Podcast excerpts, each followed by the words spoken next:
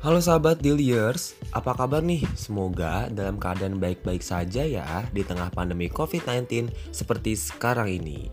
Jumpa kembali dengan saya Angga di The Daily News Podcast episode 1 dengan judul hari ini yaitu Say No to Alcoholic. Ada kami, ada berita. Wow, tentunya ini adalah topik yang sangat booming sekali belakangan ini ya sahabat Dailyers. Saya paham, tentunya banyak sekali dari setiap kalangan masyarakat yang setuju ataupun tidak setuju dan menimbulkan adanya pro dan tentu saja kontra dengan perancangan undang-undang larangan minuman beralkohol ini. Untuk itu, saya akan menjabarkan lebih jelas apa itu rancangan undang-undang larangan minuman keras dan semua fakta unik di dalamnya yang tentunya akan membuat Anda semakin mengerti dan mudah-mudahan bisa menambah sedikit ilmu pengetahuan Anda pada hari ini. Belakangan ini sedang ramai diperbincangkan mengenai RUU larangan minuman beralkohol yang menimbulkan pro dan kontra di kalangan masyarakat. Karena tidak bisa dipungkiri bahwa rakyat Indonesia bisa dikatakan sebagai salah satu yang sering mengkonsumsi minuman beralkohol. Pada beberapa acara tertentu ataupun hanya untuk sekedar pergi ke tempat-tempat tertentu yang menjual minuman beralkohol tersebut. Setelah terdengar kabar bahwa akan adanya pengesahan dari RUU larangan minuman beralkohol, sontak membuat hampir setiap kalangan masyarakat Indonesia bertanya, sebenarnya apa sih tujuan dari pengesahan RUU larangan minuman beralkohol ini? Apakah benar ini demi kebaikan masyarakat atau hanya pengalihan isu dari berbagai masalah politik lainnya? Hmm. Sebenarnya masih cukup banyak masyarakat Indonesia yang kebingungan sebenarnya apa sih dan bagaimana kita bisa mengklarifikasikan minuman alkohol seperti apa yang tidak bisa dikonsumsi dan dilarang oleh pemerintah. Karena Minuman beralkohol di Indonesia sangat banyak dan tentunya dengan kadar alkohol yang berbeda-beda. Lalu ada pasal yang menjelaskan mengenai hal tersebut, yakni dalam pasal 1 ayat 1 disebutkan bahwa yang dimaksud dengan minuman beralkohol pada RUU ini adalah minuman yang mengandung etanol yang diproses dari bahan hasil pertanian yang mengandung karbohidrat dengan cara fermentasi dan destilasi atau fermentasi tanpa destilasi. Baik dengan cara memberikan perlakuan terlebih dahulu atau tidak, menambahkan bahan lain atau tidak, maupun yang diproses dengan cara mencampurkan konsentrat dengan etanol atau dengan cara pengenceran minuman mengandung etanol. Kemudian, pada bab 2 tentang klarifikasi pasal 4 ayat 1 yaitu mengatur beberapa jenis minuman beralkohol. Golongan A, kadar etanol kurang dari 5%, lalu ada golongan B di mana kadar etanol antara 5 sampai 20%, lalu ada golongan C di mana kadar etanol antara 20 sampai 55%. Dalam pasal tersebut, dikatakan bahwa minuman beralkohol tradisional dan campuran atau racikan juga dilarang. Semoga informasi di atas bisa membantu kalian memahami jenis alkohol seperti apa yang dilarang ya. Memang banyak sekali kasus korban tewas dikarenakan overdosis mengkonsumsi minuman beralkohol di dalam Indonesia. Namun, dalam rancangan Undang-Undang Larangan Minuman Beralkohol ini dilansir tetap membolehkan masyarakat mengkonsumsi alkohol pada acara tertentu. Loh, kok gitu ya? Bagaimana ya jika seperti itu? Dinyatakan bahwa masyarakat tetap bisa mengkonsumsi minuman beralkohol jika pada acara ritual adat, ritual keagamaan, wisatawan, dan lain-lainnya. Lalu wisatawan pertanyaan ini dinyatakan pada pasal 8. Lalu siapa saja sih yang akan terancam pidana jika berurusan dengan minuman beralkohol ini? Dilansir dari pasal 4 dalam bab 3 RUU berbunyi, setiap orang dilarang memproduksi minuman beralkohol golongan A, golongan B, golongan C, dan minuman beralkohol tradisional dan minuman beralkohol campuran atau racikan sebagaimana dimaksud dalam pasal 4. Dan aturan tersebut tertuang juga dalam pasal 7 yang berbunyi setiap orang dilarang mengkonsumsi minuman beralkohol golongan A, golongan B, golongan C, minuman beralkohol tradisional, dan minuman beralkohol campuran atau racikan sebagaimana dimaksud dalam pasal 4. Jadi, tentunya bagi produsen dan konsumen dari minuman beralkohol ini sudah pasti akan mendapatkan sanksi sesuai dengan ketentuan pasal tersebut. Jadi, lebih baik menghindari hal yang sudah kita tahu akan berakhir buruk ya teman-teman. Selain itu, denda yang harus kita bayar jika kita terjerat kasus ini tidaklah murah loh. So, lebih baik kita menggunakan uang untuk membeli sesuatu yang bisa bermanfaat untuk tubuh kita ya. Tentunya bisa membawa kebaikan juga untuk kita. Bicara tentang kebaikan, tentunya setiap hal memiliki sisi baik dan buruk. Lalu, kira-kira apa ya sisi buruk jika RUU larangan minuman beralkohol ini diberlakukan? Melansir beberapa artikel, terdapat beberapa bentuk ketidaksepakatan beberapa pihak jika RUU ini benar-benar akan disahkan loh. Asosiasi Importir Minuman Beralkohol mengatakan khawatir jika disahkan aturan itu akan membunuh sektor pariwisata.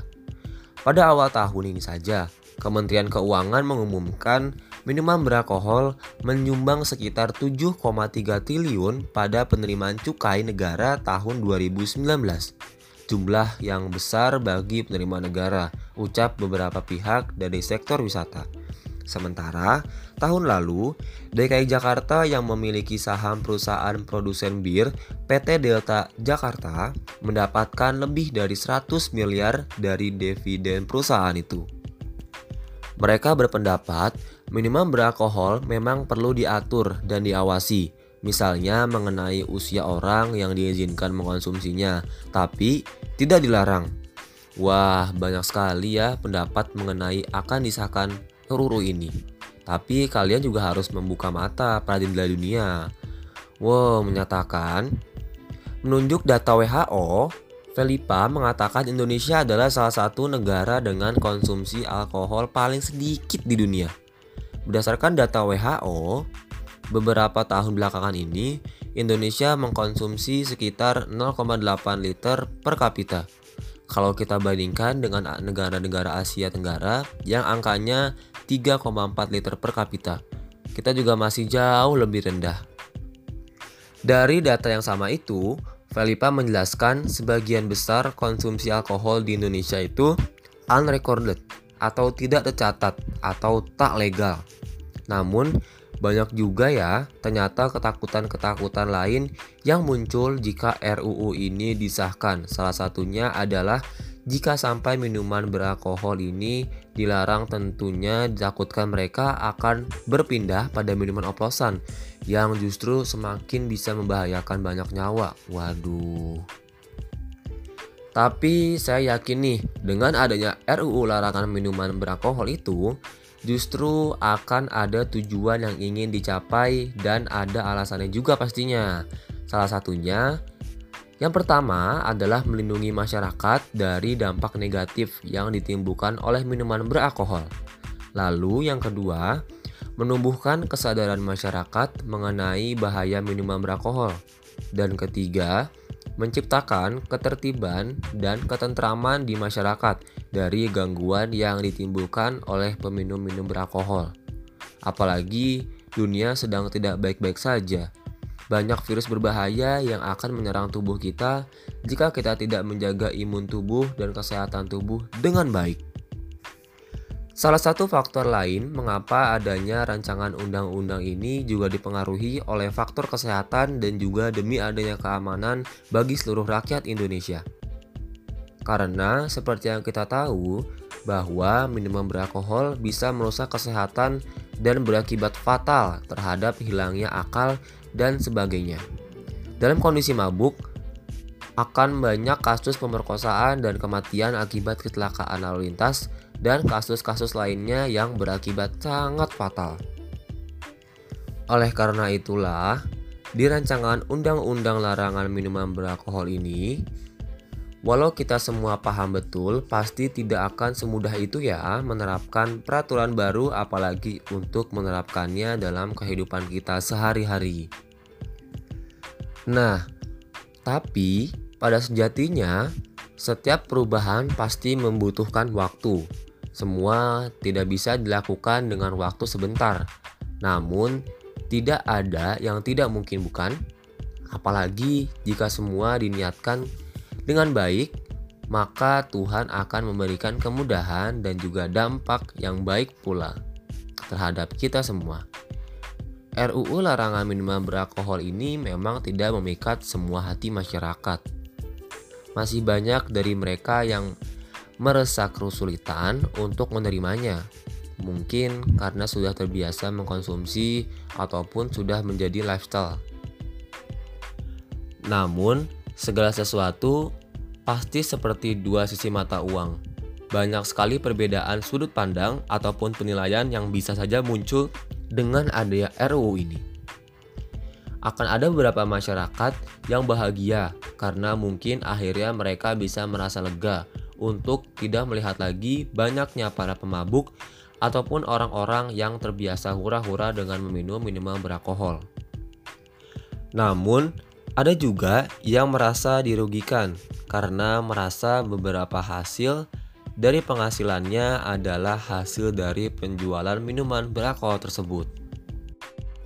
Dan yang terakhir, ingat ya sahabat Deliers, walaupun nantinya masih diperbolehkan untuk minum minuman beralkohol, kalian akan merusak diri kalian secara perlahan.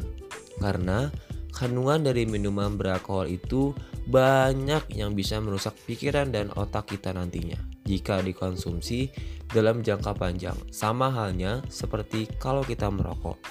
Jadi, kalau kalian sayang terhadap diri kalian sendiri, sahabat Hilliers, saya sarankan untuk tidak minum minuman beralkohol seperti itu ya.